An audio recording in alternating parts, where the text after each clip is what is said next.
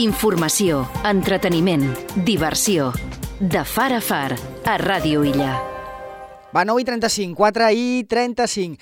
Sant Antoni, Sant Josep i Formentera són els tres municipis de les Illes Balears més afectats per la desaparició del senyal de televisió SD, l'estàndard, el pròxim 14 de febrer, o sigui, d'aquí molt poc.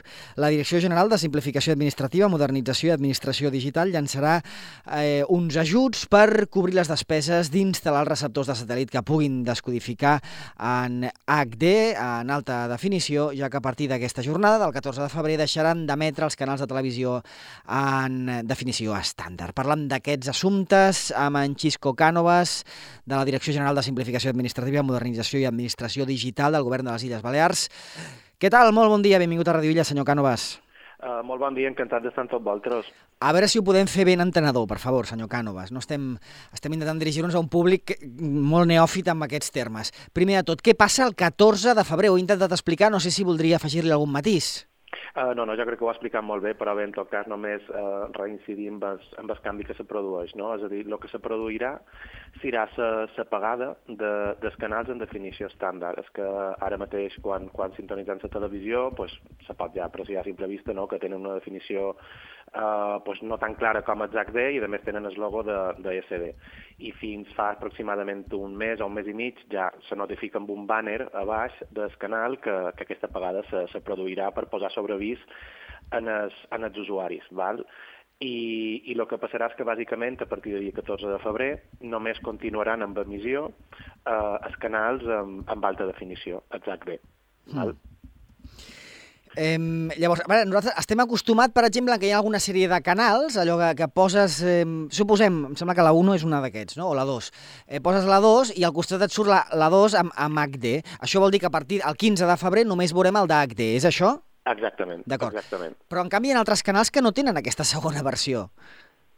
No, exactament. Aquí el que se produirà serà un canvi d'aquests canals que actualment eh, són en BSD, passaran a emetre automàticament amb, amb HD.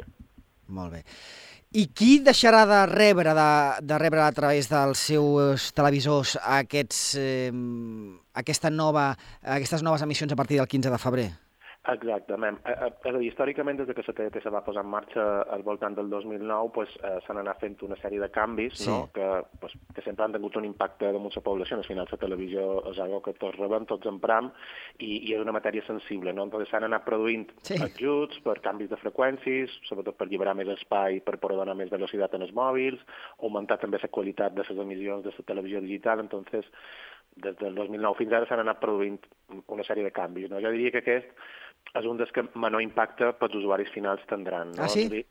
Sí, sí, perquè eh, al final pràctica, la pràctica totalitat de la població a dia d'avui eh, rep les dues tecnologies, tant SD com HD, el que sí que ara, és el que explicarem una mica, sí. hi ha un, un grup d'usuaris molt concret que sí que tindrà un, un impacte un poc més destacat aquest canvi, no? però bàsicament el eh, que deien és que per la major part de la població l'únic que s'han d'assegurar és que a dia d'avui reben els canals en HD, tot i que també els GSD, sí.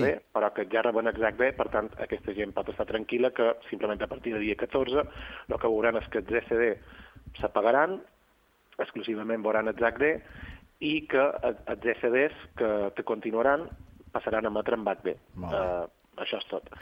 Uh, el que passa és que, sa, diguem que les zones de cobertura uh, de, de, de la TDT estan, estan dividides en, en tres grups d'usuaris distints. Sí. No? El que s'anomena zona 1, zona 2 i zona 3.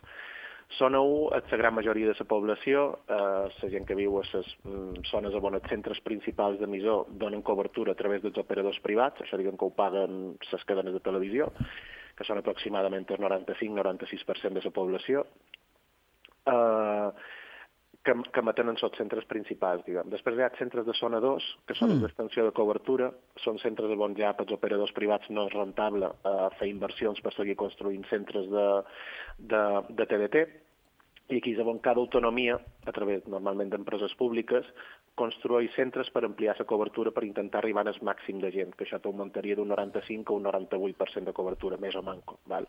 És el cas concret de Formentera.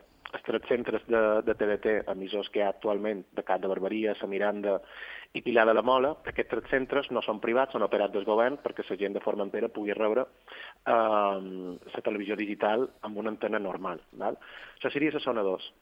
I després, finalment, hi ha la zona 3, val? que és on no arriba ni, son, ni, ni els operadors privats ni, ni el govern. Val? Són normalment eh, pues, quatre cases que poden estar aïllades mm, a un barri d'un darrere una muntanya que no, no hi arriba la cobertura. Entonces, sí. Aquesta gent ho rep amb una tecnologia distinta, no a través de l'antena convencional, sinó a través d'una antena parabòlica per satèl·lit. Aquesta gent són, se, se denomina zona 3, o se zona SAT-TDT, perquè reben la TDT per satèl·lit. Mm. No? Entonces, eh, aquí és on eh, pot existir una problemàtica una mica més clara per aquest canvi tecnològic, perquè eh, tota aquesta gent se li va subministrar un decodificador entre 2009 i 2010, quan se va produir la transició de la televisió analògica a la digital, i, i de, des de llavors reben la senyal a través d'aquesta tecnologia per satèl·lit.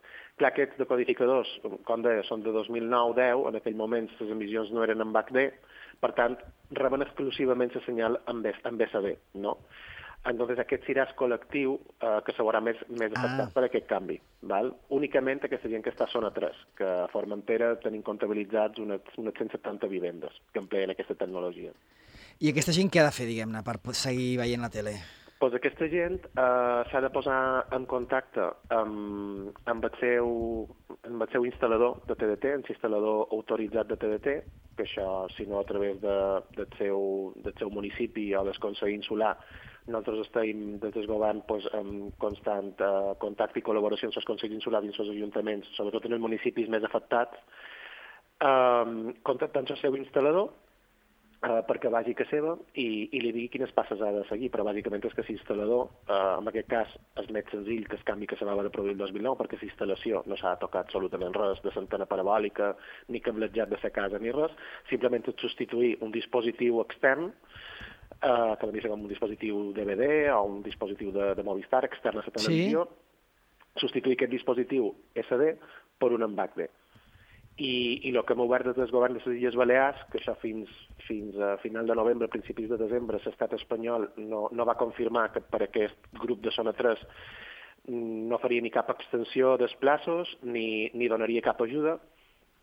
Eh, nosaltres ho vam valorar internament des de la Conselleria d'Hisenda i Pressuposts i, i bueno, vàrem intentar fer l'esforç i incloure en el pressupost d'enguany una subvenció de fins a 100.000 100 euros per, per facilitar i ajudar en aquests ciutadans a fer aquesta transició i aquest canvi, aquest canvi tecnològic, no? i per finançar fins al 80% del cost d'aquest dispositiu. Quan val aquest dispositiu, aquest decodificador en HD, diguem-ne? Aquest dispositiu pot estar al voltant dels 300 euros i, i nosaltres finançarem fins, fins 250 euros amb aquesta, amb aquesta subvenció. I això ho tramitaran directament, eh, com deies, els ciutadans a través de l'instal·lador.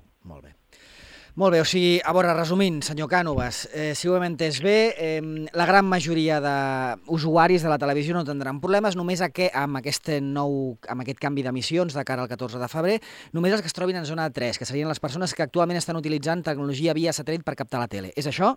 Exactament. Molt bé. Exactament. Llavors, en aquest cas d'aquest grup molt concret, que a Formentera són 170 habitatges, 170 famílies, doncs en aquest cas eh, el que necessiten aquestes persones és canviar el decodificador perquè sigui en HD, perquè el que tindran serà encara de l'any 2009-2010, que eren en tecnologia estàndard. Per canviar aquest decodificador us heu de posar en contacte amb l'instal·lador autoritzat de TDT i aconseguir el nou eh, decodificador amb HD, que costa uns 300 euros, i si voleu podeu demanar una subvenció al govern balear que us eh, finançarà el 80% d'aquesta despesa, o sigui, uns 250 euros. Exactament, molt ben resumit. Bé, doncs, doncs crec que jo ho hem deixat bastant, eh, bastant clar. Tothom que no estigui veient la TDT via satèl·lit, llavors pot estar tranquil, no? Exactament, exactament. Només assegurar-se, sí. el que passa és que això ja seria en casos molt, molt aïllats, si tenen, si tenen una televisió molt antiga, ah. el, que he dit jo al, al principi, no? És a dir, també pot passar que a través de l'antena convencional eh, només rebin els canals amb, amb BCD, o sigui, sí. una televisió, estic xerrant de models de televisió tal vegada anteriors al 2005. Ara, desafortunadament, el cicle de vida de, de yeah. electrodomèstics i, i de, dels útils que tenim a casa no és tan llarg, no? Però sí que podria passar que qualcú que tingués una televisió molt, molt antiga, pues, eh, que no fos capaç de rebre els canals en B, pues, haguessin de, de comprar un dispositiu, però això sí que se van a quasi totes les tendes al voltant de 20-30 euros, un dispositiu extern a la televisió, que no és un receptor per satèl·lit, seria un, un receptor de televisió, uh, però aquí, com deia, ja està, és una que és molt més comú trobar qualsevol tenda i amb un, amb un cost molt més, uh, molt més reduït, no? al voltant de 20-30 euros, pues, també podria solucionar el problema. Has d'assegurar-se, bàsicament, eh, la gent que està a zona 3 ho sap, que ho rep per satèl·lit, aquesta gent sap que s'ha de sí. posar en contacte amb el seu instal·lador, i que s'ha de substituir el terminal i després la gent eh, que està a les zones principals, zona 1, zona 2, simplement assegura-se que la seva tele eh, és HD ready, que, que rep actualment amb HD i que no tindrà problemes, com a molt una recentralització dels canals. Per això la mateixa televisió l'avisarà que s'ha produït un, un canvi, que ha de pitjar un botó, el botó d'OK i automàticament se, se resintonitzaran els canals. Bé, doncs tocarà anar a casa Esguelos, ajudar-los a resintonitzar aquests, aquests canals. En tot cas, per entendre d'una manera era fàcil. Si us passa que quan enceneu la tele poseu la 2, l'exemple que posàvem abans, veieu la 2 convencional i la 2 amb HD, aquestes persones no tindran cap problema, eh? Poden estar tranquil·les, no tindran cap problema. Doncs jo crec que ho ha explicat molt bé, senyor Cànovas. Li agraïm molt aquesta estona aquí amb naltros per aclarir uh, aquest canvi pel que fa a les emissions que passaran en HD a partir del pròxim dimecres, el dia 14 de febrer. Xisco Cànovas, de la Direcció General de Simplificació Administrativa, Modernització i Administració Digital, moltíssimes gràcies, que vagi bé. Moltíssimes gràcies a vosaltres per ajudar-nos a donar difusió en aquest tema.